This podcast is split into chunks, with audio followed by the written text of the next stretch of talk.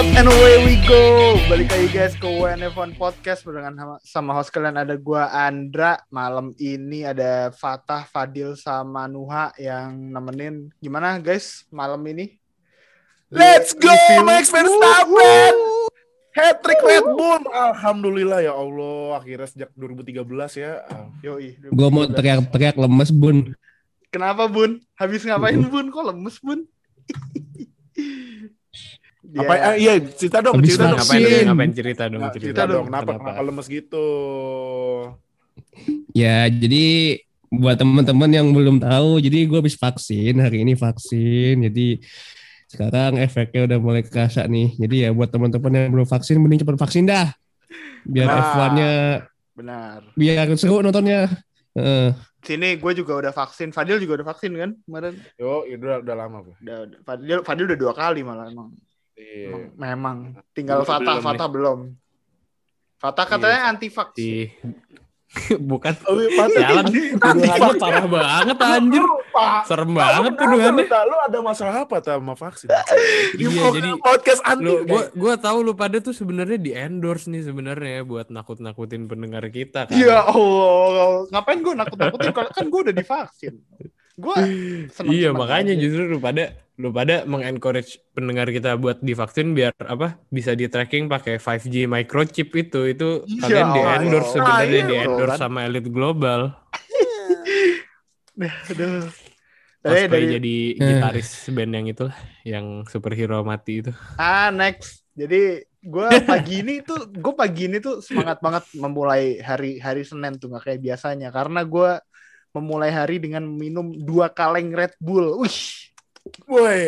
gila kan double podium Red Bull Justru- dirayakan dengan double dua kaleng Red Bull. Udah, Wah, Oh betul, betul, betul. itu. seneng gue nontonnya tadi kemarin tuh. Langsung deh. Gak ada gak ada yang nyangka. Ini sih Iya. gak ada yang nyangka Prancis seru semalam. Iya, biasanya udah ya nih mah tracknya Mercedes udah tuh eh eh eh eh eh eh terakhir terakhir udah. Eh adu strategi. Lucu. Keren banget sih, keren banget sih. yang yang gue seneng tuh revenge Spain GP Yang Pace. kemarin. Iya, Spain yang yang kemarin. goes Max- around comes around lah iya Max ambil dua pit stop, Hamilton gak ngambil terus bot wah yang botas ntar bahas deh yang botas itu gue bilang Mercedes emang anjing emang Mercedes tai. Waduh, waduh, waduh, waduh. itu gua ada argumen argumennya juga tapi ada pro Bottas dan pro Mercedes tapi dah tuh. nanti Mulai dah, bahas. mulai dah. Mulai. Apa, soal Bottas Start, start Eh. turn satu tuh. Start dulu lah, start dulu lah. Tuh, Start dulu gimana ceritanya anjir? Verstappen kehilangan lead di turn 1 ya Allah. Gue udah hampir gue udah hampir aduh apa gue matiin aja ya. Aduh, tapi enggak dah baru lap 1 masa gue matiin kan. Masih banyak race. masih ada banyak. kesempatan masih banyak. panjang masih panjang masih Apa 52 apa apa yang lagi. apa yang terjadi tuh di situ? Jadi eh pokoknya sebenarnya startnya Verstappen tuh kan bagus ya. Kan eh kalau nggak salah yang startnya bagus itu Verstappen Hamilton startnya dua-duanya bagus.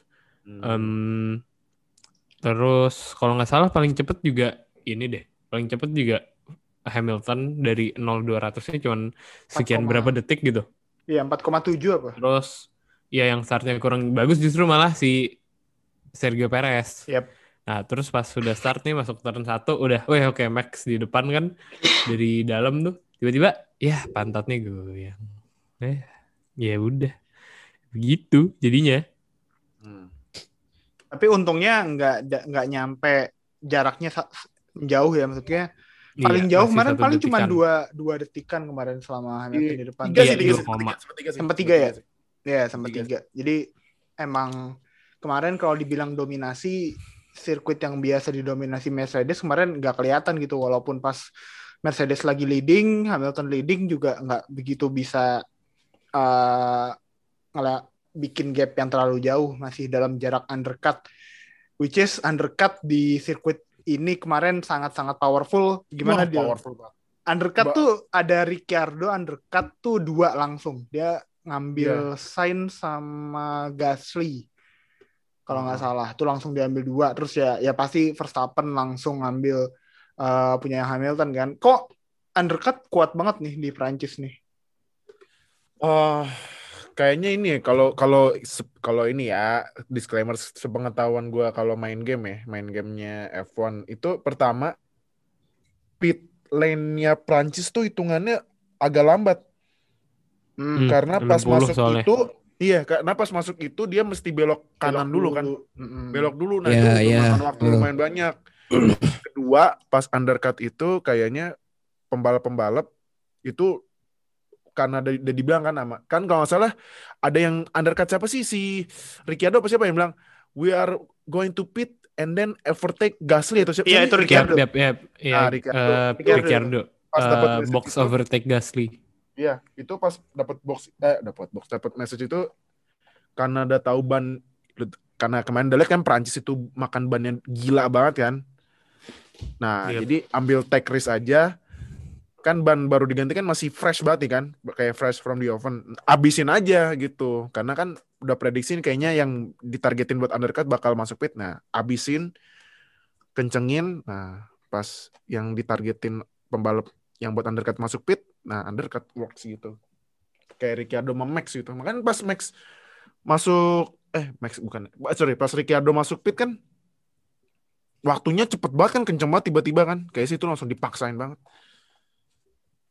Gitu. Yap, yap, yap. Jadi over apa works banget sih.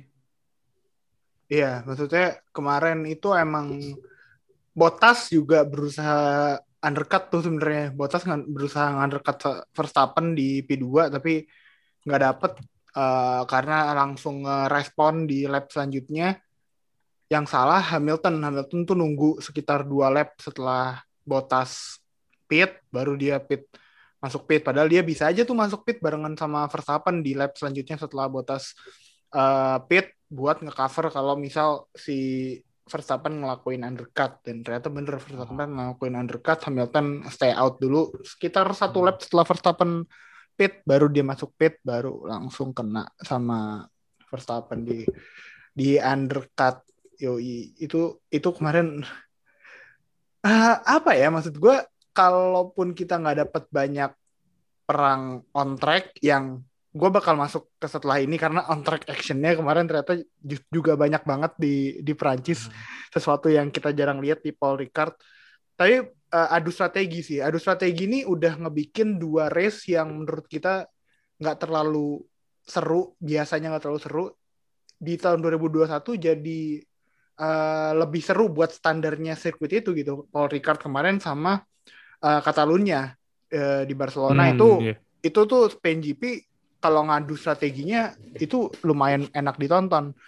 Eh, ini di 2021 ini bakal jadi storyline yang bakal menentukan juara sekecil apa pun kesalahan gak sih kayaknya soalnya kesalahannya Mercedes kemarin sebenarnya nggak terlalu banyak cuman ngelewat Iya. Hamilton Yep. ngelewatin satu lap buat eh, undercut eh, Verstappen. Mungkin itu aja. Kalau buat nge-cover, nge-cover pit keduanya mungkin Hamilton agak susah karena ada Perez yang eh, bisa ngeganggu Hamilton pas nanti eh, masuk in lap. Nah, kesalahan-kesalahan kecil kayak gini yang kayaknya bakal jadi penentu juara dunia di akhir musim gak sih nanti? Lu dulu tah. menurut ya ya, menurut gue apa ya Mercedes nih sebenarnya kemarin gue lihat di Twitter ada ada yang nge-tweet kayak dari fans-fans F1 orang Eropa gitulah mereka bilang eh, Mercedes nih sebenarnya strateginya mediocre cuman karena Ferrari ada yang sampah banget strateginya jadi nggak kelihatan gitu dan menurut gue bener gitu loh Ferrari, Eh, where you at? Eh, itu bukan harinya itu bukan gua- harinya Ferrari. menurut gue eh harusnya pertama Hamilton pit duluan, at least satu lap setelah Bottas. Yap, Karena benar. itu jatuhnya harapannya paling Verstappen box opposite Hamilton kan. eh jadi kalau Hamilton masuk kemungkinan besar ya dia bakal nggak nggak pit gitu loh. Dan menurut gue itu justru bakal ada kesempatan Hamilton bisa apa justru. leadnya lah. Justru undercut itu. Yang Hamilton undercut dia, iya. Undercut Verstappen. Ya dan dan lagi pula maksudnya chance-nya segede apa sih buat Hamilton kayak disusul Verstappen di pas lagi pit gitu loh. Dan menurut gua nggak ada alasan buat mereka nggak ngebox Hamilton juga gitu loh. Bottas sudah pit di lap 17 dan kalau mereka mau ngelakuin itu mau ngelakuin intervensi dengan cara tim order untuk alasan championship battle ya menurut gue valid-valid aja gitu loh. Bottas bisa disuruh tukeran posisi sama Hamilton, Bottas bisa disuruh nge-cover Verstappen sebisanya dia dan itu menurut gue strategi yang harusnya dia harusnya Mercedes lakuin gitu. Terus ya bener sih apa Mercedes emang strateginya tuh sebenarnya biasa aja. Kelihatan menurut gue paling kelihatan tuh Brazil 2019 eh iya 2019 pas Verstappen menang pas safety car restart tuh Red Bull pit tapi Mercedes enggak kan. Terus akhirnya Red Bull malah punya ban yang lebih bagus buat sampai apa akhir balapan buat ngejar mereka justru dari lossnya itu. Mereka lebih memprioritasin track position daripada uh, apa tire advantage gitu jadi ya bener sih kalau kesalahan-kesalahan kecil gini ya bisa aja costly sih ujung-ujungnya. Uh, kalau lu bilang tadi Mercedes sebenarnya strateginya biasa aja gitu, nggak nggak terlalu hmm. oke okay, karena kalau tahun-tahun kemarin sebelumnya kan ngeliat Ferrari-nya malah yang ngaco, Mercedes yeah. kelihatan bagus kan. Awal hmm. musim hmm. ini berarti juga gitu nggak sih Red Bull yang kelihatan belum dapet uh, apa strategi yang oke, okay, Mercedes yang ya doing what Mercedes doing gitu. Mereka minim kesalahan walaupun strateginya pakai cara-cara aman gitu. Baru pas Red Bull udah mulai bisa agresif, mereka Perez udah lebih bisa dipercaya sama strategisnya Red Bull, baru kelihatan hmm. kalau hmm ternyata Red Bull juga bisa kok ngimbangin Mercedes secara strategi. Iya, yeah. uh, pas menurut gue bagusnya Red Bull tuh mereka belajar dari kesalahan gitu Mereka bikin kesalahan di Spanish GP itu kalau lu inget uh, Verstappen tuh mimpin kok seingat gue sebelum Hamilton pit. Dan Red Bull yeah. mikir oh kita bisa pakai kita bisa pakai strategi yang sama bahkan di posisi driver kita lagi mimpin gitu. Dan menurut gue ya itu. Mercedes kemarin gue cek juga di Pirelli Sport dan jumlah ban yang mereka pegang dua-duanya ya sama sama sama apa sama Mercedes nggak apa ya jumlah ban yang tersedia tuh sama yang cuman satu-satunya yang ban tersedianya beda ya uh, si Sergio Perez. Sergio Perez seingat gue masih ada satu ban medium baru dibandingin uh, jadi ntar ya gue cek dulu. Kalau nggak salah itu lu yang nge-tweet ya kalau Red iya, Bull iya, Red Bull di... bisa aja pakai medium hard medium kan? Iya. Wih gila cenayang kita sudah punya cenayang cenayang. Tapi gue tapi gue ada pendapat lain tentang uh, strategi Gimana? Mercedes tapi ini ada peng, ada faktor eh, eksternal. Tapi ntar. Oke okay, benar deh uh, jadi jadi ban ya masuk ke race itu uh, Mercedes Mercedes tuh Hamilton Bottas sama Verstappen. Uh, ban hard ada satu yang baru ban medium nggak ada yang baru. Ada dua udah kepake sama ban soft ban soft nggak nggak mungkin dipakai kan ya? Uh, Perez itu cuman ada hard satu yang baru medium satu baru satu kepake. Jadi ya menurut gue Perez tuh agak far fetch dan uh, Mercedes harusnya lebih fokus ke uh, Verstappen aja gitu. Dan ya bisa aja sebenarnya mereka kopas strateginya Verstappen tuh bisa banget. Tapi ya gitu mungkin ya. Gue gua nggak pernah kerja se segede di pressure-nya kerja yeah, di race yeah, F1 yeah. di mana jutaan dolar uh, dalam dalam perebutan. Jadi ya nggak nggak tahu ya. Tapi menurut gue ya harusnya Mercedes ya kayak gitu. Hmm. gue mau ini. Ah ntar sorry. Deal tadi gimana deal kalau menurut gue ada faktor eksternal. Kenapa hmm. Mercedes kelihatannya kayak uh, kelihatannya berantakan buat strategi karena Perez Coba deh, hmm. lihat deh. Selama Mercedes uh, nguasain F1, kan um, kalau dilihat dari 2014 Vettel, Ricciardo kan Vettel kayak down banget kan. Hmm. Ricciardo-nya yang suka curi menang. Nah ini kan masih kibatnya gak seimbang.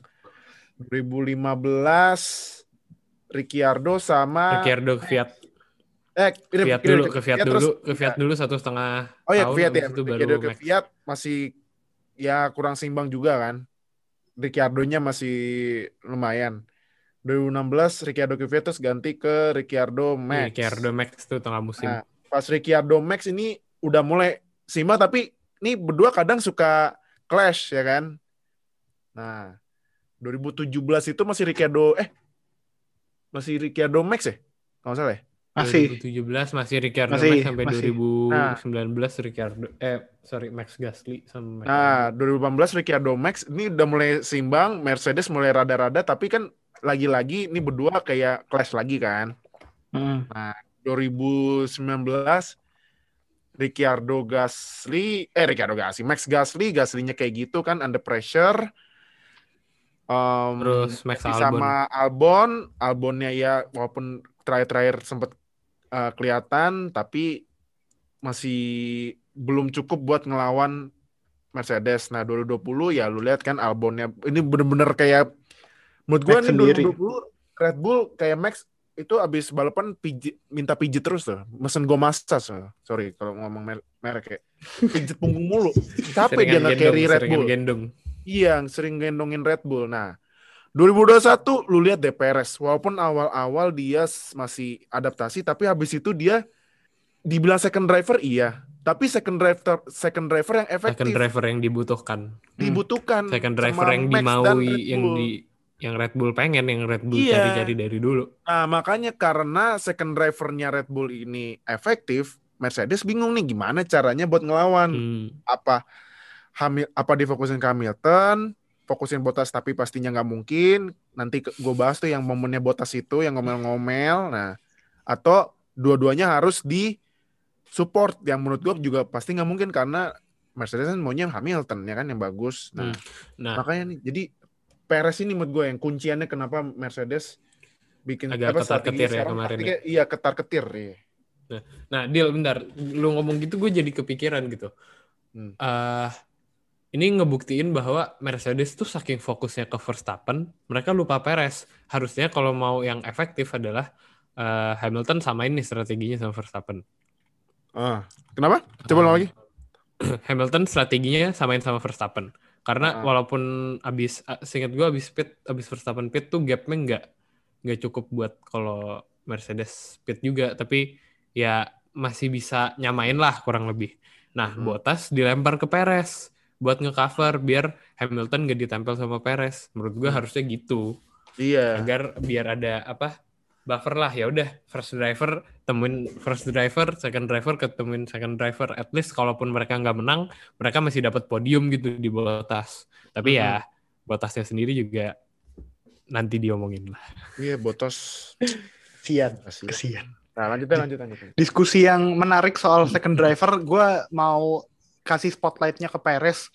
Eh, Nuh, kemarin pas kelar race, Max tuh kayaknya bener-bener sayang banget sama Perez dah. Kayak, eh, dipeluk banget. dipeluk, dipeluk, apa, Perez ngajak tos, Max-nya, Max-nya malah malah meluk gitu kan. Kayak, oh, gila nih Perez sayang banget, eh Max sayang banget nih sama Perez.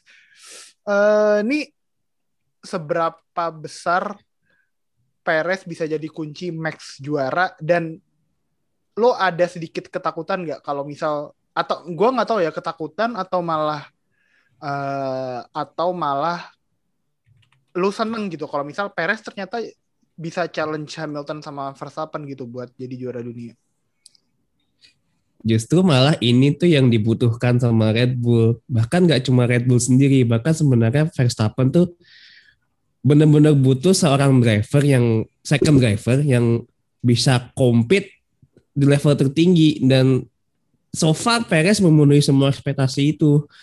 Dan kalau lihat dari track record driver-driver sebelumnya ya kayak Gasly, Al- Albon gitu. Itu kan kayak timpang banget jatuhnya.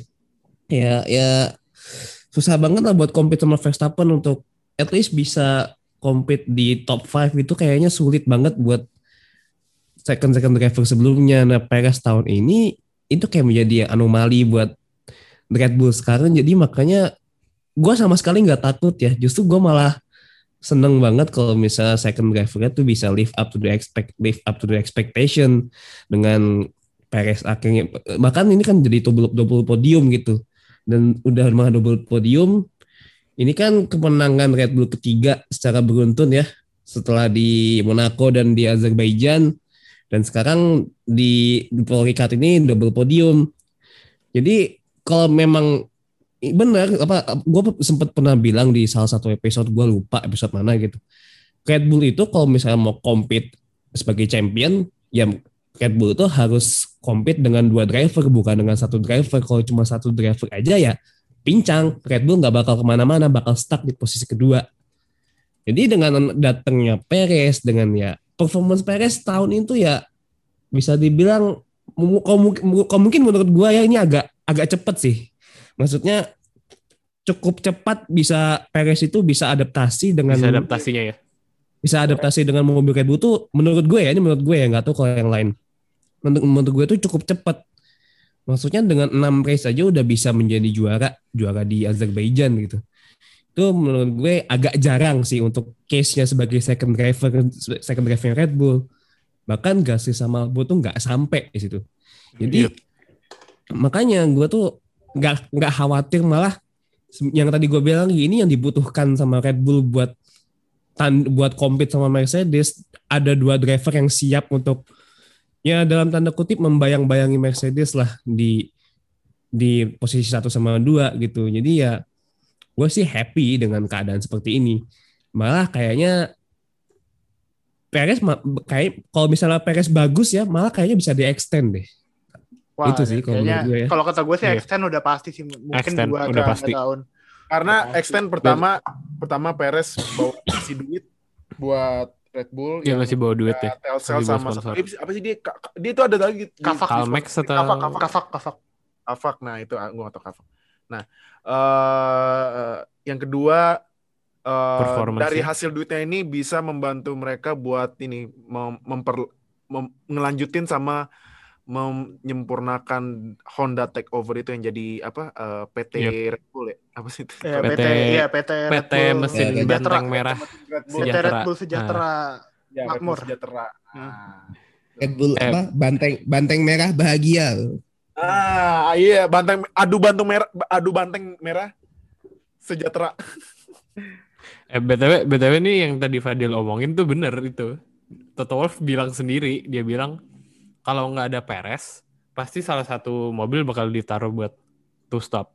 Tapi two stop itu bahaya karena ada Perez. Kalau Iya, itu- Perez nggak ada tuh ya pasti di di salah satunya dipasangin tuh buat stop. Spanyol Spanyol kemarin tuh juga gitu. Mercedes berani dua stop tuh juga gara-gara nggak ada Perez di belakang. Jadi Iya, karena betul, Pereznya jauh, eh, Mercedes berani dua stop pas kemarin eh, eh, di Spanyol. Kayaknya gue juga sempat ngomong tuh di di pas review yang Spain GP waktu itu, gue harus bilang kalau Perez harus segera step up karena nggak mungkin ini lama-lama bisa lama-lama kayak gini kayak Verstappen ngelawan dua Mercedes karena secara strategi pasti bakal nguntungin Mercedes mulu gitu. Punya dua driver ngelawan satu driver. Dan bener ketika sekarang uh, Perez sama Verstappen lawan Hamilton gitu karena gua nggak gua kemarin nggak nggak ngitung botas sih kayak ya pace-nya ada dan tiada gitu lah. Maksudnya ada dia bisa tetap keep up sama Verstappen tapi uh, buat battle ya rada rada susah gitu. Gua mau sedikit nanya sesuatu yang kontroversial mungkin Nuh, lu worry gak sih kalau kalau Perez di tengah-tengah musim kan setiap driver pasti punya ego buat mereka sendiri mau juara dunia kan. Mungkin nggak tengah musim, Iya. mungkin musim depan gitu. Worry nggak lu dia bakal eh, clash sama Verstappen, bakal ngeganggu kans juaranya Verstappen dan mungkin malah akhirnya yang kejadian malah kayak Max sama Ricciardo kemarin pas 2018 2019 gitu Eh, salah satu cabut dan Red Bull sama sekali nggak siap gitu dengan posisi kayak gitu Well, menurut gue kalau buat nge- apa buat bicara itu itu depends dari result mereka musim ini nanti ya. Hmm. Maksudnya tahun ini tuh target Red Bull tuh udah jelas. Maksudnya tuh mereka tuh pengen Max Verstappen tuh menjadikan Max Verstappen sebagai juara. Juara. Itu intensi mereka udah jelas banget, udah clear. Nah, Sergio kayaknya- Perez itu cuma sebagai kayaknya Perez udah sadar soal itu ya buat tahun ini ya Iya untuk Yep. tahun ini kayaknya dan menurut gua tahun ini tuh juga Sergio si Perez pun juga udah ngerti Hmm. intensi Red Bull tuh tahun ini mau ngapain. Nah kan Red Bull Perez ini pun juga kayaknya udah tahun ini di musim ini udah siap sebagai kalau dalam istilah kayak NBA itu role player Role lah. player, Jadi ya. jadi si Perez tuh udah siap menjadi second driver yang ngebantu perjuangan Verstappen untuk menjadi juara championship di tahun ini karena kan ya kita tahu sendiri beberapa tahun belakangan ya dari tahun 2019 sama 2020 istilahnya Verstappen cuma ja, apa Red Bull tuh cuma jalan pakai satu kaki ya pincang dong otomatis kan dan kalau tahun depan gue kayaknya mungkin nggak akan sampai kayak wah ini tuh harus ada namanya duel antara dua drivers gitu sih. Menurut gue sih mungkin belum ke sana arahnya. Cuman kalau misalnya Perez bagus di musim ini eh, sampai akhir musim kalau misalnya dalam tabel klasmen ya ada ny- nyangkut di top 5 gitu. Sergio Perez ada di top 5 menurut gue itu bukan menjadi salah apa bukan menjadi ketakutan gue karena pasti ada salah satu driver yang bakal lebih difokuskan untuk meraih gelar juara. Ya case sih case-nya kan udah pernah ya di Red Bull di Red Bull zaman Sebastian Vettel udah jelas siapa yang di yang lebih di push tuh Diprioritaskan. siapa gitu. Hmm. Yang lebih di push tuh siapa udah jelas gitu. Dan gua rasa Perez mungkin udah bisa menerima role itu walaupun gak harus sebagai gak Perez kayaknya udah ini kalau menurut gue feeling gue sih Perez kayaknya udah ngerti kalau misalnya dia nggak harus menjadi World Championship tapi at least sudah bisa memenangkan beberapa race saja menurut gue udah cukup gitu menurut dia menurut gue loh ya tapi gue nggak tahu kalau bagi Sergio Perez sendiri pasti ya everyone wants to be a champion gitu Iya, cuman Yep. iya.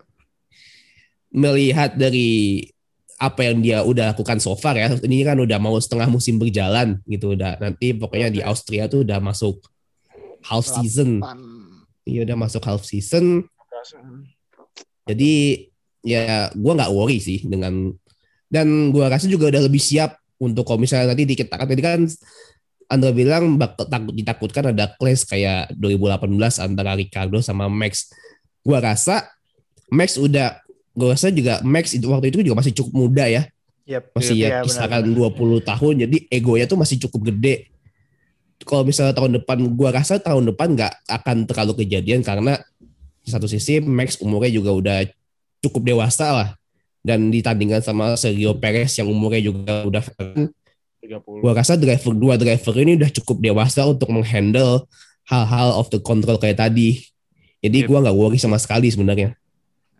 Gue justru eh, menurut gue justru tahun depan kalau misalnya Red Bull mesin dan bisa bikin mobil yang bagus buat regulasi baru.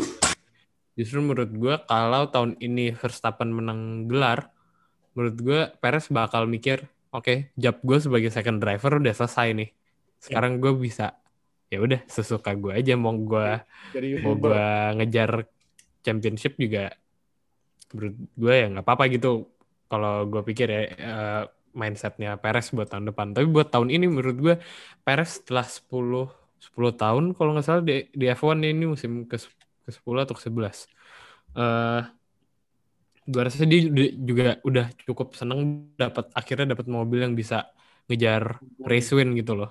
Dan bisa ngejar juara dunia juga buat dapat mobil yang sebagus itu menurut gue udah apa ya udah step up banget lah buat dia dibandingin dulu-dulu cuman ngeraup poin di midfield doang terus sekarang akhirnya dapat mobil yang bisa ngejar bisa konsisten podium dan bisa konsisten ngejar race win juga ya menurut gue dia udah cukup puas lah Yes. BTW sebelum lanjut, lu pada nyadar gak sih suara Nuha berubah? Ini kayaknya efek vaksin deh. Waduh, waduh, waduh, waduh.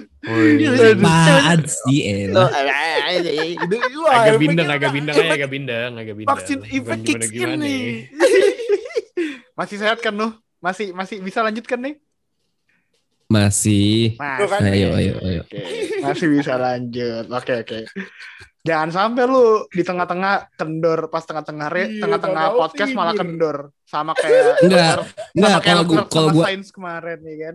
kalau gua sih kalau misalnya kendor kalau di pertengahan podcast gua sih mem- apa gue yakin lu semua pada memaklumi kan karena gue habis vaksin. Cuman kalau Ferrari itu, Nah. woi ke mana lu? Eh, itu eh itu bukan harinya Ferrari. Eh, demi kepentingan. Aduh. Apa? Aduh. Maksud gue eh iyalah, oke. Ferrari udah nggak di street circuit. Eh, kita mungkin ekspektasinya lebih rendah gitu. Tapi at least masih bisa challenge. Tapi nggak serendah ini ya Allah. masih bisa at least kan masih bisa challenge McLaren di Gua atas kira gitu, poin, di top poin. 10 gitu kan. Poin gitu kan. Gue mau gue mau ketawa kenceng tapi gue vak, abis abis vaksin jadi ah, nanti aja dah ketawanya. Ah, lu mah lu mah mainin vaksin card mulu sekarang. Nih ah. Leclerc tapi- P16, eh, ter- Sainz Leclerc P11. berapa 16? Le- Leclerc 16. Itu 16. Leclerc 16. Gue aja, gue aja baru nyadar hari ini loh. Sama. Gue, gue nggak, gue, gue kemarin saking fokusnya sama Verstappen sama apa, sama Hamilton kemarin di depan, gue sampai nggak nyadar lah. Terus gue lihat result di motorsport.com udah Leclerc 16 gimana caranya gapnya satu lap pula udah di overlap ya Allah Emang emang gampang gam, kayak kelihatannya gampang banget dilewatin gitu loh Ferrari kemarin. Kayak apaan ini ini pace-nya ini aja. main ini main pakai SF 1000 apa gimana anjir? Jangan padahal padahal first stint-nya bagus loh first stint-nya bagus Iya. McLaren juga nggak bisa lumayan nggak bisa keep up padahal terus Baru pas Bahkan Williams pun di atas Ferrari loh. George Ya, Russell itu tuh di atas Ferrari. itu loh Iya. nggak ada safety car nggak ada Malu. nggak ada yang DNF nggak ada yang DNF. Malu. Malu. Tapi tapi tetap gue tetap eh, tetap pasti Ferrari akan mendapatkan hasil yang positif ya. ini ini Alah. pelajaran berharga kan ya? Pelajaran berharga. kan? Ya iya, itu pelajaran berharga lah buat Binotto. Biar Gua gua awalnya gua awalnya seneng ya Fadil apa udah bersumpah gitu kan terus nggak bisa ngata-ngatain Ferrari. Terus sekarang kalau lagi kayak gini malah berasa disarkasin anjing jadi makin makin Gua- kesel rasanya. gua gua tetap membela Ferrari. Salah. Tapi ada ada tanda kutip demi kepentingan. Apa ya Tapi- maksud gue? tapi tapi kalau menurut gua kalau menurut gua ya? karena ini kali ini kan Prancis ini tracknya karakternya dia low low speednya jarang banget ya cuman cuman dua kalau salah yang tikungan terakhir sama tikungan yang habis kanan kiri terus kan kanan lagi tuh yang sebelum oh terlima yang yang eh terenam apa apa sih yang yang kalau misalnya keluar dikit Terenam. itu bisa Enam. eh, kena 6 6 Track limit ini kan. Nah, itu kan itu kan Hmm. lambat nah sisanya kan turnnya turn turn yang lumayan kenceng nah kayak Ferrari kelemahannya di situ tuh udah kelihatan dia kalau track yang med- medium speed gitu jelek harus butuh yang low speed Leclerc tuh kemarin tuh track kan limit tuh tra Leclerc tuh kemarin pit- pit 6, pertama turn tuh. 10 turn 11 deh kalau salah. iya heeh. Lalu Iya, kemarin pit Leclerc pit pertama lap pertama. 16. Heeh, baru habis itu eh, kayak apa pace-nya menurun. kan habis itu.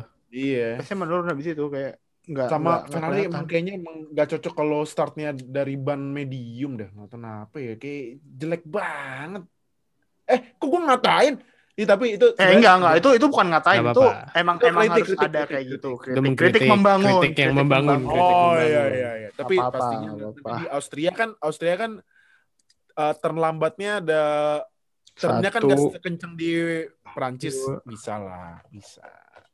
Bisa. Iya, Tri. Austria lebih oke. Iya. Hmm, gimana tah? Apa yang harus diperbaikin Ferrari dan Ya yang bisa gitu. dipelajari, yang bisa dipelajari? apa ya menurut gue pertama ya setup butuh difokusin ke ini juga ke apa ke quali ke race juga nggak cuma qualifying karena qualifyingnya ya dilihat-lihat ya bagus masuk Q3 Q3 mulu kan Hmm. Iya, kemarin Q3 tapi loh. ya race pace-nya iya eh Leclerc eh, sorry Sainz P5 kan itu udah Mm-mm. bagus Leclerc juga ya P9 tapi kayaknya emang selama dari free prac- free eh free practice juga udah struggling kan jadi ya ya oke lah nggak apa-apa tapi ini loh pak aduh race pace-nya kok kaleng banget gitu Hilang banget sih kemarin. Makanya kayak oh, gue aja nggak nyadar dia 16 gue kira dia kayak 12 Sama. atau 13 gitu Iya, kok bisa ya? Gimana ceritanya sih? mungkin Bener-bener. degradation kalau kata Binotto Ferrari eh, ini sih sama sebenarnya sama kayak tim-tim lain sih alasannya tire degradation terjadi lebih cepat daripada yang mereka kira. Tapi kan masalahnya ya. ini ini semua tim ngelaku apa ngerasain hal yang sama, Sama, kan. sama juga. Tire sama. degradation-nya ngelebihin ekspektasi gitu, lebih cepat daripada apa yang diperkirakan. Makanya eh rada rada belum kelihatan lagi nih apa yang kelihatan di Ferrari. Paling ya setup sih. Tapi tapi ini sih kemarin kan gue sempat nonton interview siapa gitu. Emang di Prancis kemarin anginnya kenceng banget. Parah sih. Makanya itu ngaruh ke- Rosberg deh kalau salah yang bilang. Iya. Makanya jadi eh ngaruh ke ban. Kan Ya. ban udah nabrak angin kenceng. Wah itu bakal gila. Itu aja kan eh, kalau salah Alonso udah komplain ban aja baru lap 5 kan. Tuh baru tuh. Terus ini juga. Hamilton juga komplain ban cepet Iya. itu. Iya cepet Lap makanya emang berapa sih gitu, angin, sebelum pit. angin. Iya, makanya. Anginnya kenceng banget. Nah. Jadi eh degradasinya cepet ganti ban mak. Berarti Ferrari gitu. Als- apa mungkin kalau kalau kalau di track yang degradasinya cepet apa tuh deg degradasinya tinggi jelek. Ya gitu kata kata kata apa? Kata Sainz sama Leclerc juga tire degradation-nya graining-nya cepet banget dan Banget. mereka juga nggak ngerti kenapa. Iya. Ya udah, iya mas, saya juga nggak ngerti kenapa, tapi saya tetap dukung kok, nggak apa-apa. Iya. Setia saya mah. apa-apa. Iya, nggak apa-apa. Masih ya anggap aja fluke lah, cuman satu race. Iya, kayak kan gini. triple header. Slam. Triple header, selam. Triple Selam. header. Jangan sampai selam aja ini triple header. Three times Masalahnya- di charm lah, three times. Masalahnya Austria tahun lalu rada rada sus kan buat buat Ferrari. Iya sih. Walaupun- Tapi itu kan walaupun- itu kan bukan kecelakaan. rada lagi itu mah, bukan rada lagi. Tapi kan itu kan kecelakaan, bukan bukan Iya, bukan dan pace. itu kan mobil tahun Nah, lalu juga, mobil tahun Mobil lalu. tahun lalu. Iya, masa nggak comeback sih? Nggak mungkin nggak comeback. Iyalah, Iya. Masa- masa dua tahun berturut-turut jelek mulu, mana Iya, mungkin. Iya, Mana Ferrari. mungkin. Ferrari kan selalu terdepan. Tim gede kayak Ferrari kok ya. Oh, namanya aja pakai nama buat ini apa eh, apa tuh yang buat pas podium. Champagne, kan- champagne. Iya, jadi kan emang Iya, Ferrari itu itulah nama nggak apa-apa yang penting Ferrari masih naik podium lah tuh.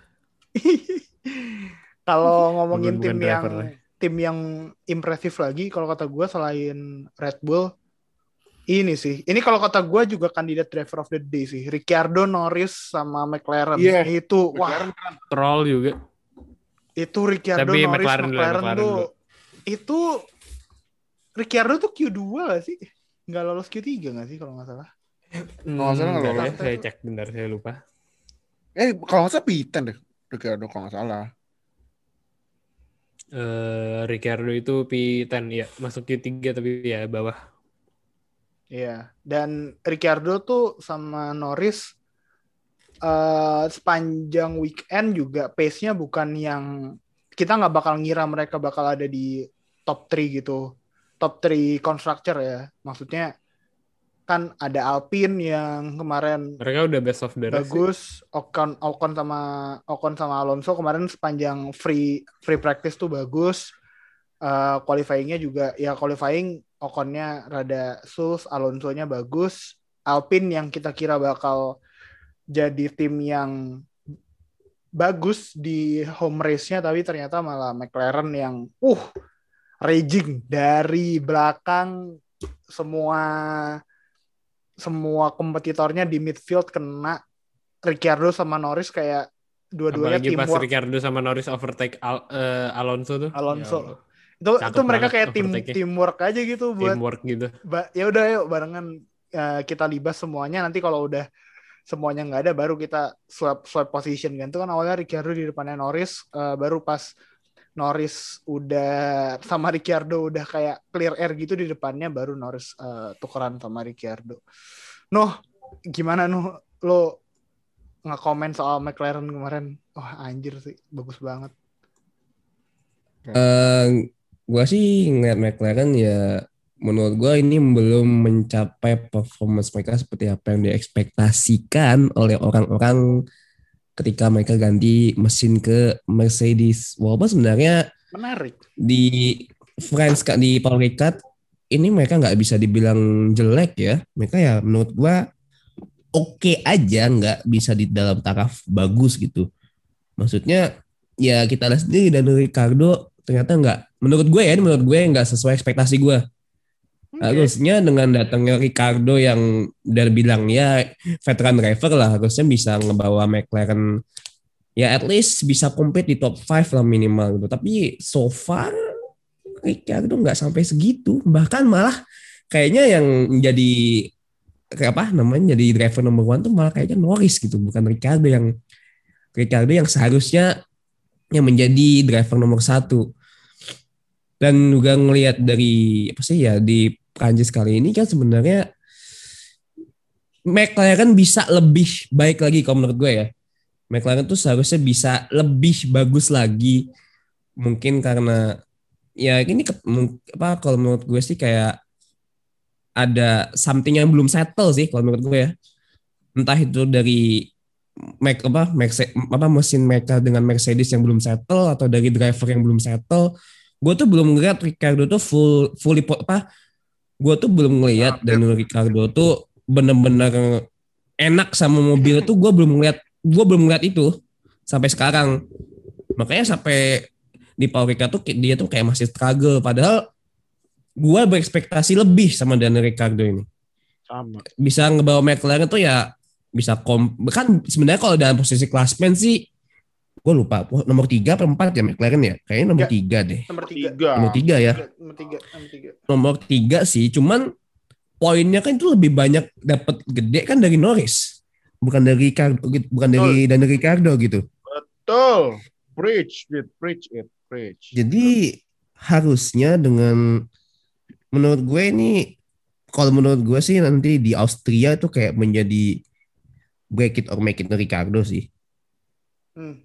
Tapi gue rasa ya, uh, Paul Ricard kemarin kayaknya Ricardo mulai dikit-dikit sih, dikit-dikit udah mulai dapet sama uh, apa PD-nya dia sama mobil McLaren sih kayaknya udah dapet sih. Walaupun emang di akhir dia disuruh swap places sama Norris karena Norris pace-nya lebih cepat.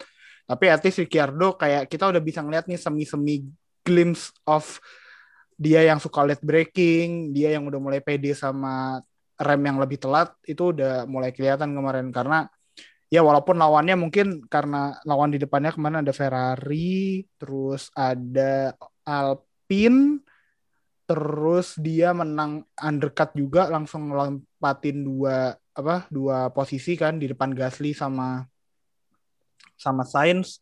Uh, mungkin kebantu itu juga tapi gue rasa Ricciardo kemarin ngeliatin nih kalau oke okay, pelan-pelan dia mungkin udah bisa adaptasi sih sama mobil McLarennya gimana. Hmm. Harusnya harusnya dalam beberapa waktu lagi kita bisa lihat Ricciardo sama Norris kompakan di di midfield best of the rest uh, ngebawa McLaren bisa jadi best of the rest sih di depan Ferrari, Alfa Tauri gitu-gitu karena momentumnya lagi bener-bener geser ke McLaren setelah beberapa ya setelah Ferrari kayak gitu kemarin jadi McLaren bisa sangat ini sih berarti poin ya hitungannya kan poin maksimal lah ya kemarin 5 sama 6 kan 1 2 3 4 nya kan itu uh, jadi kunci Red Bull. Red Bull Mercedes eh, Red kan satu dua tiga empat. Jadi ya dapat poin maksimal itu kemarin Ricciardo sama Norris dari McLaren. Iya. Sama ini sih gue sempat baca quote siapa gitu pembalap legend siapa ya gue lupa. Gue pernah baca lu nggak bisa bikin mobil adaptasi lu, lu harus adaptasi sama mobilnya. Itu kayak sih Ricciardo, kayak sih Ricciardo ya gue perhatiin sih walaupun hasil udah mulai naik nih, tapi dia masih belum adaptasi stylenya sama mobilnya, makanya nggak cocok. Nah, Perez, kalau menurut gue dia udah adaptasi sama mobilnya, ya kayak bagus, gitu. Oh, iya. Siapa ya gue pernah lihat, pernah denger siapa yang ngomong ya lupa gue. Ada boy. Driver 61 bukan? Apa? Oh, yang di YouTube. Driver ya? 61 yang Driver di YouTube. Iya, iya, iya, iya, iya, iya, iya, itu, iya benar benar Driver 61. Ya. Nggak bisa iya. ngadaptasi harus lu yang adaptasi sama mobilnya. Iya sih bener. Uh, ya semoga kemarin sebenarnya kalau gue bisa menilai performanya lumayan strong buat Ricciardo sama McLaren sama Norris. Uh, gue rasa nggak lama lagi McLaren bakal punya dua driver yang bisa nge-challenge di midfield. Eh, Norris nggak bakal hard carry lagi kayak beberapa race sebelumnya. Ricciardo mungkin give it 2 sampai 3 race ke depan dia udah bisa eh ngebantuin Norris di midfield kayak kemarin barengan di Paul Ricard. Ah, ada lagi nggak ya? Ah, ini berarti gua udah mulai bisa bahas ke akhir-akhir eh, akhir-akhir race. Chargingnya Verstappen tuh bagus banget sih pas. Pas apa third stint ya berarti itu hitungannya ya. Itu itu oke Keren sih. banget sih. Pas Keren, keren, eh, keren. charging di terakhir. Yang tapi yang mau gua highlight sedikit adalah Hamilton nih emang buat tayar manajemen oke ya.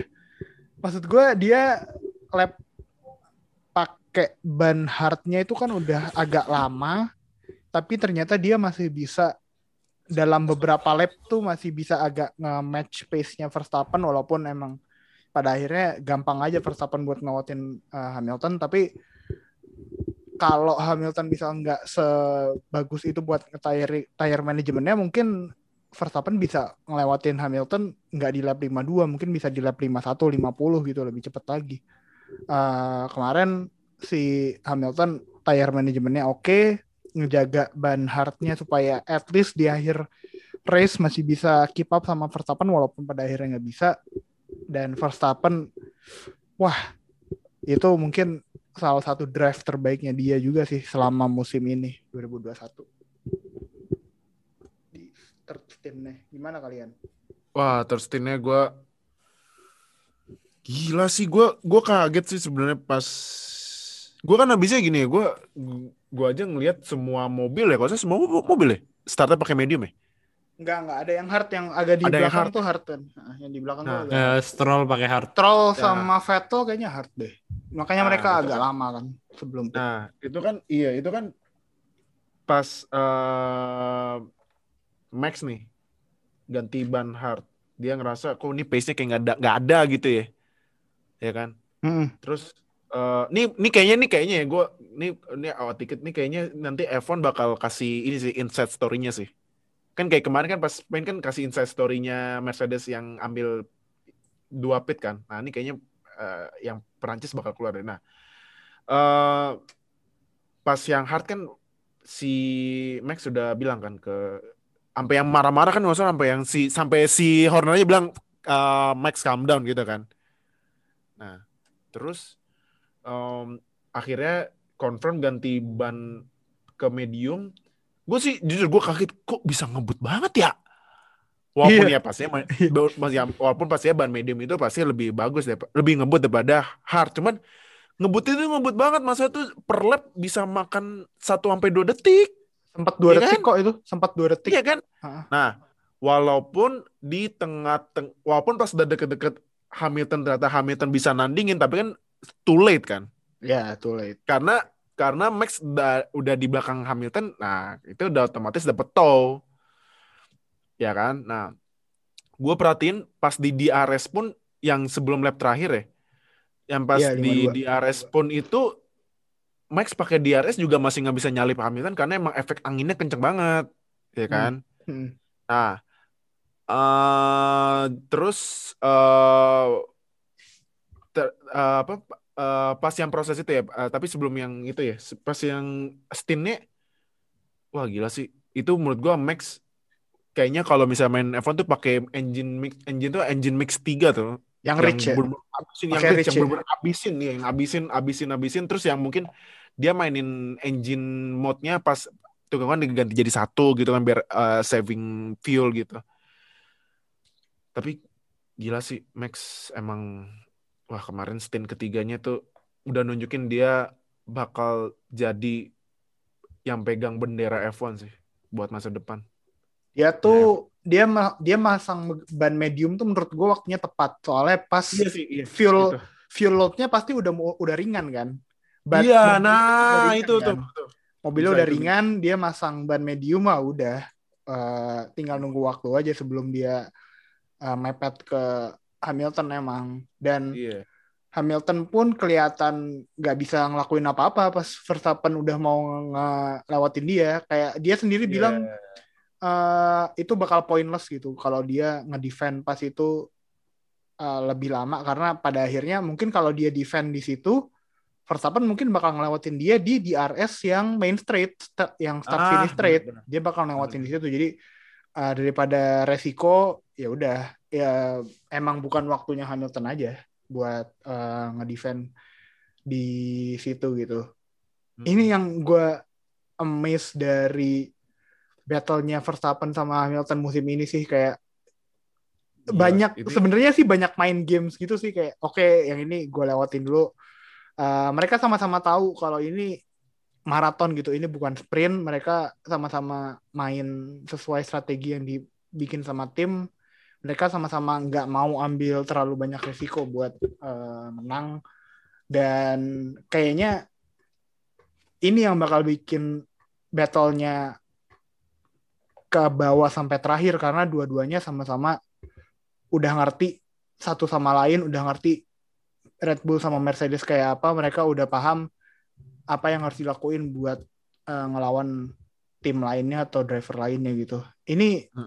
yang gue lihat di kemarin gitu Verstappen sama Hamilton battle-nya benar-benar bisa sampai terakhir dan jarang banget sih kita ngeliat kayak gitu keren Ya keren. mungkin terakhir yang bisa nge-battle kayak gitu Rosberg menurut gue.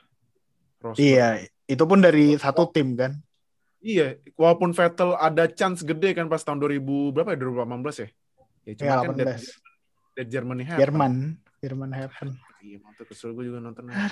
Ih, sebel Fet? sebel banget gue Wah.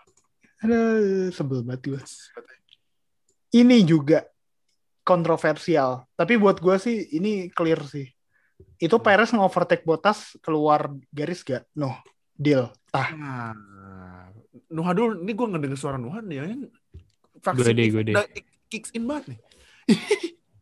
Ah, apa sih Ah. nama tadi? Nah, Nuha dong, Nuha dong.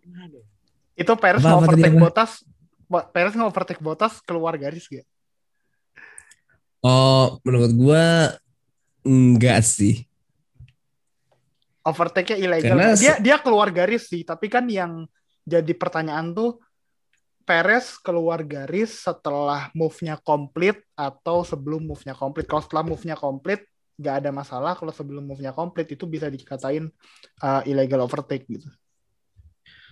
Well, selama tidak ada penanganan khusus dari FIA, walaupun sempatnya di dalam tanda kutip dicek lah sama FIA, tapi pun Ya, ternyata itu sih. hasilnya udah diinvestigasi dan hasilnya tidak ada. So, I should say it's legal. Udah itu aja sih. Nggak, menurut gue gini, yang bikin legal atau enggak tuh kan kita ambil contoh Verstappen pas di Bahrain ya. Nah, Kenapa itu legal dan disuruh kasih balik? Karena dia dapat keuntungan dari eh apa? Dari Keluar- keluar dari garis. dia keluar dari racing line. Track. Eh sorry, dari dari Dari track. dari garis putih Racing ya dari line. track. Nah, nih? Perez kan move-nya udah selesai sebelum dia keluar track gitu loh. Maksudnya Kalau Betul.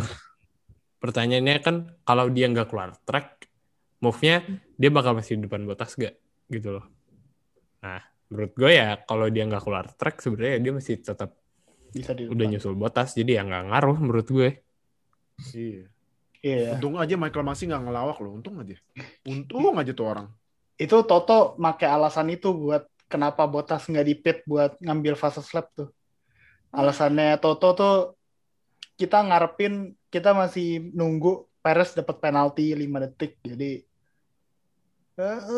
kita harus stay di gap itu kata katanya Toto sih gitu. Cuma ya kalau gue liat replaynya juga dia sebelum belokan tuh kan eh, setelah chicane jadi exitnya Perez lebih bagus lebih bagus dia udah bisa kelu dia udah bisa nge-overtake Bottas itu sebelum belokannya eh, sebelum masuk ke kor- ke turn yang di situ makanya walaupun dia keluar garis kalau kata gue juga sama kayak Nuha sama kayak FIA buat gue ngelihatnya itu udah complete overtake move sih makanya it's not illegal buat gue Eh, dia ngelawatin Bottas di situ Nah, Iya.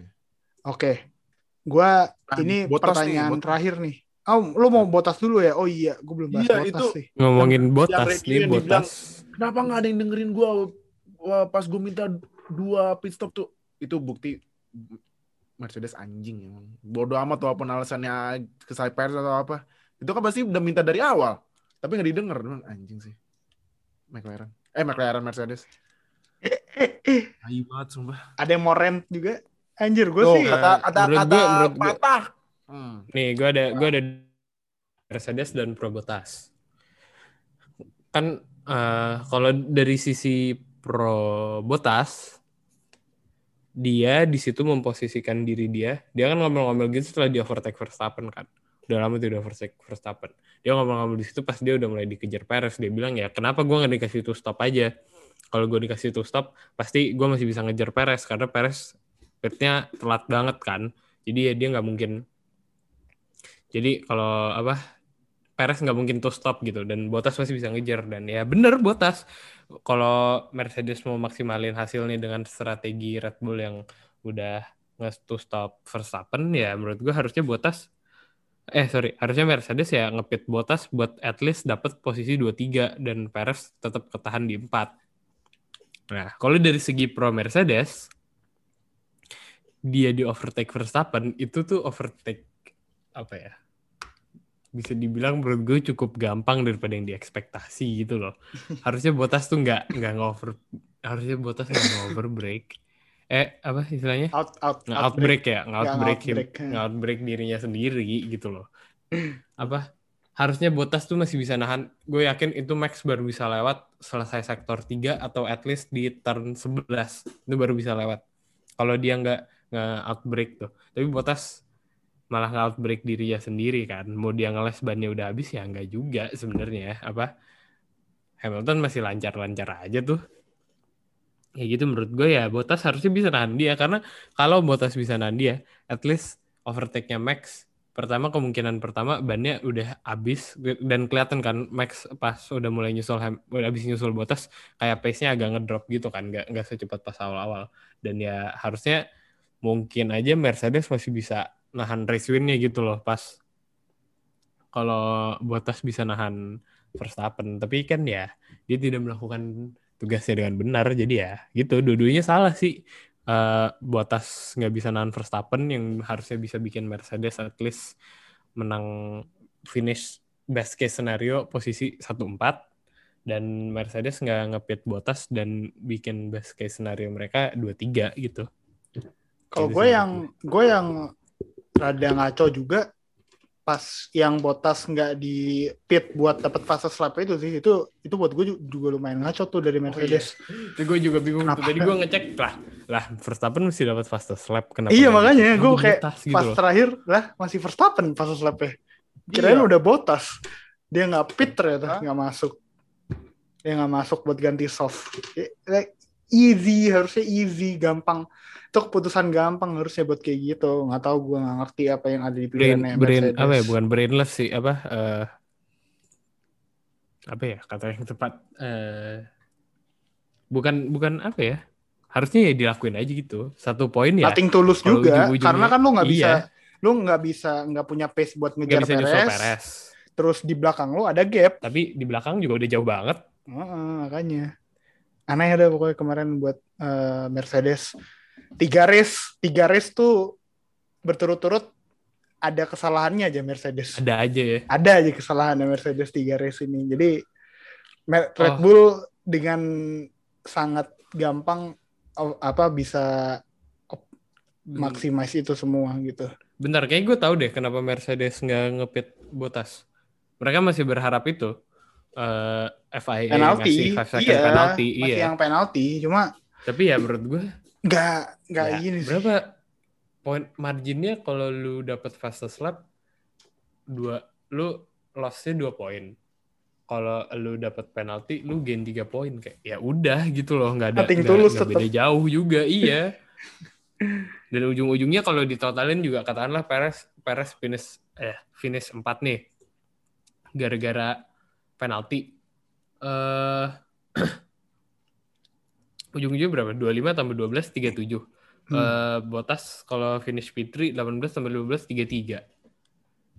ya udah tetap tetap lost point juga di constructors gitu loh sama aja bohong kayak ya nggak ngaruh juga jadi ya gitu lah Mercedes agak baru kelihatan nih sisi aslinya saat ada Pressure. ditekan saat di baru pressure.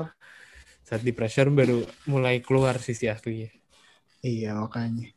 Nah ini eh, terakhir dari gua.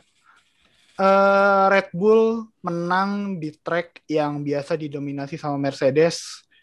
Christian Horner juga bilang sebelum eh, race kalau misal Red Bull bisa menang di France di Paul Ricard, Red Bull bisa menang di mana aja. Eh, Kalian masing-masing setuju apa enggak? Hmm. Gua enggak. Gimana Nuh? Nggak, sama gue juga enggak sih, gue juga enggak. Gimana Nuh? Menarik Menurut soalnya. kalau misalnya Red Bull mau bisa dibilang menang semuanya harus minimal nunggu bisa harus menang di double header selanjutnya. Yaitu di Austria. Oh, Oke, Yaitu di Austria. Itu kan ya dalam itu kan home race mereka lah. Home race-nya Red Bull gitu. Ini kalau misalnya mereka menang di situ, well it's safe to say kalau bisa untuk juara ada kemungkinan chance-nya gede. Karena ya kalau itu kan udah ini kan udah apa jatuhnya udah mau half season gitu. Dan yang kemen Red Bull udah so far udah menang berapa kali sih gua lupa sama setelah, setelah Verstappen tuh season ini ya. tiga. Verstappen tuh tiga Empat. menang. Perez satu menang. Berarti empat. empat Berarti udah Iya, empat. empat ya. Udah empat ya. Tadi gue bilang baru harus tiga. Heeh, Mercedes baru tiga. baru tiga. Hmm. Kalau misalnya mereka mau bisa juara sih, at least double header ini mereka harus menang sih. Nggak, karena menurut gua di Prancis belum, menurut gua potensial Red Bull buat juara udah kelihatan, cuman masih ada Mercedes yang siap untuk kalau misalnya strateginya bagus itu. Soalnya ini kan kelihatan banget kan jatuhnya kan kayak main strategi lah. Ya menurut gue sih kalau di di Paul Ricard kemarin ya kebetulan aja Mercedes lagi apes aja, lagi dapat jeleknya aja dari dari ya dari drivernya dari drivernya si Red Bull gitu. Menurut gue lagi, lagi apes aja. Dan faktor botas yang kita ya kita tahu sendiri gimana lah botas jadi kayak susah banget botas tuh untuk bisa dapat trust ya. Menurut gue kayak trustnya tuh kayak makin lama boardnya Mercedes tuh kayak trustnya ke botas tuh makin lama kayak makin turun gitu loh jadi kayak hmm, Botas nih kayak makin gak dipercaya buat compete. Jadi kayak ya pelan-pelan kayak di, di inilah di nerf lah si Botas nih makin lama. Padahal kan di Paul Ricard ke ya di nerf kan. Padahal kan apa namanya? Si padahal kan sebelumnya Mercedes si Hamilton sama Bottas kan ganti ini kan apa namanya gantian sasis kan ya Hmm. Iya, ya kan? Tukeran sasis tukeran tukeran sasis. Harusnya bisa compete dengan lebih baik lagi dong karena kan sebelumnya Bottas pakai sasisnya Hamilton. Tapi nyatanya di Paul Ricard kemarin kayak ya kita udah dengerin sendiri lah di tim radionya itu gimana Bottas betapa kecewanya gitu kayak marah banget gitu sama race engineer-nya Mercedes. Jadi sebenarnya masih harus menunggu satu nggak menurutku nggak harus dua sih bahkan kalau misalnya saat dari double header itu Red Bull bisa double podium lagi Red Bull bisa dikatakan juara sih cuman ya balik lagi tergantung strategi nanti gimana Dio, Ya, eh gue nggak setuju sama kayak Nuha. eh tap- kunciannya di dua race yang eh, triple header ini. Kalau misalnya, misalnya eh, Max menang dua, walaupun eh, Hamilton kedua, tapi yang penting, yang penting Max harus menang. Kalau misalnya Max yang menang di dua race ini, wah, udahlah. It's gonna be a very tough second half buat Mercedes. kalau Max menang balapannya nggak ngantuk ya Oh Enggak iya, lah. gua langsung Enggak lah. semangat. semangat lah kayak Gua kemarin. langsung Gila. semangat. Gua gua langsung like gua nontonnya. Kalau misalnya depannya udah nomor 4 pada udah. Semangat pagi-pagi udah pasti itu Iya, kalau udah, udah. udah, udah, gitu. udah ya. Nah, pas pas nyalip, oh langsung, wah, gila kan. Nah, kalau misalnya nih situasinya dibalikin. Max mimpin dari awal gitu kan.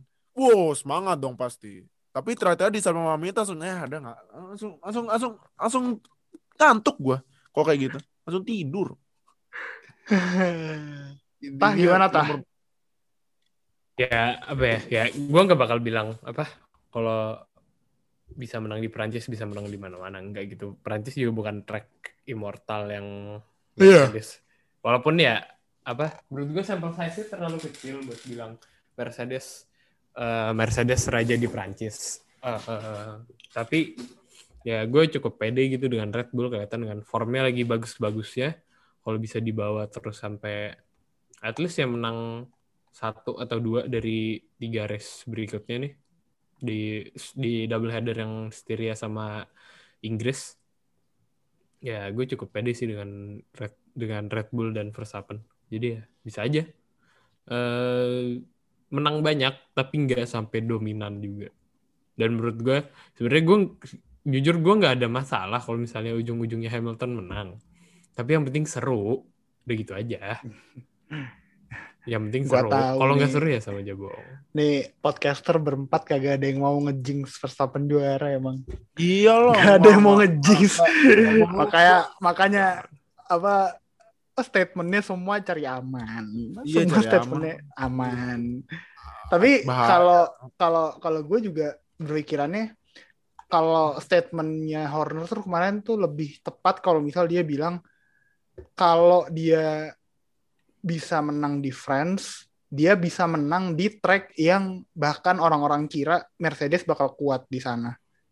Jadi daripada dia bilang Mer- dia bisa menang di mana aja, gue lebih suka dia bilang kalau dia udah bisa ngelawan Mercedes di track mana pun gitu. Dia nggak cuman kalau kemarin kan mungkin bak- bakal masih ada orang yang bilang oh Mercedes apa Red Bull menang cuman gara-gara mereka main di street circuit yang Mercedes nggak bagus makanya Red Bull bisa menang kemarin. Nah yang France kemarin ini kayak bikin statement kalau kita nggak cuman bagus di street circuit doang, kita di track biasa juga udah bisa nih ngelawan Mercedes bahkan menang. Nah mungkin arahnya kalau ke arah situ mungkin buat gue lebih setuju. Tapi kok sama kayak kalian kalau menang di mana pun eh, ada beberapa race yang tetap tough sih kayaknya buat Red Bull dan harus Iya.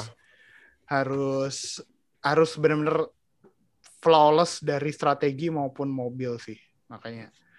Hmm. Dan, dan juga ini kan Red Bull di maksudnya di Austria di Red Bull Ring ya bahkan nama sirkuitnya Red Bull Ring ya Red Bull Arena gitu tahun lalu kan bahkan gue lupa Verstappen kayaknya Verstappen nggak gak finish deh. Gak finish, di dia kan yang pertama, Nggak race finish kan? pertama, Race pertama kan, iya kan? Nah. Verstappen bahkan gak finish gitu. Jadi sebenarnya double header selanjutnya itu akan menjadi challenge apa race yang challenging menurut gua. Karena satu sisi mereka race sebagai ya ini home race mereka. Otomatis pressure mereka bakal jauh lebih gede.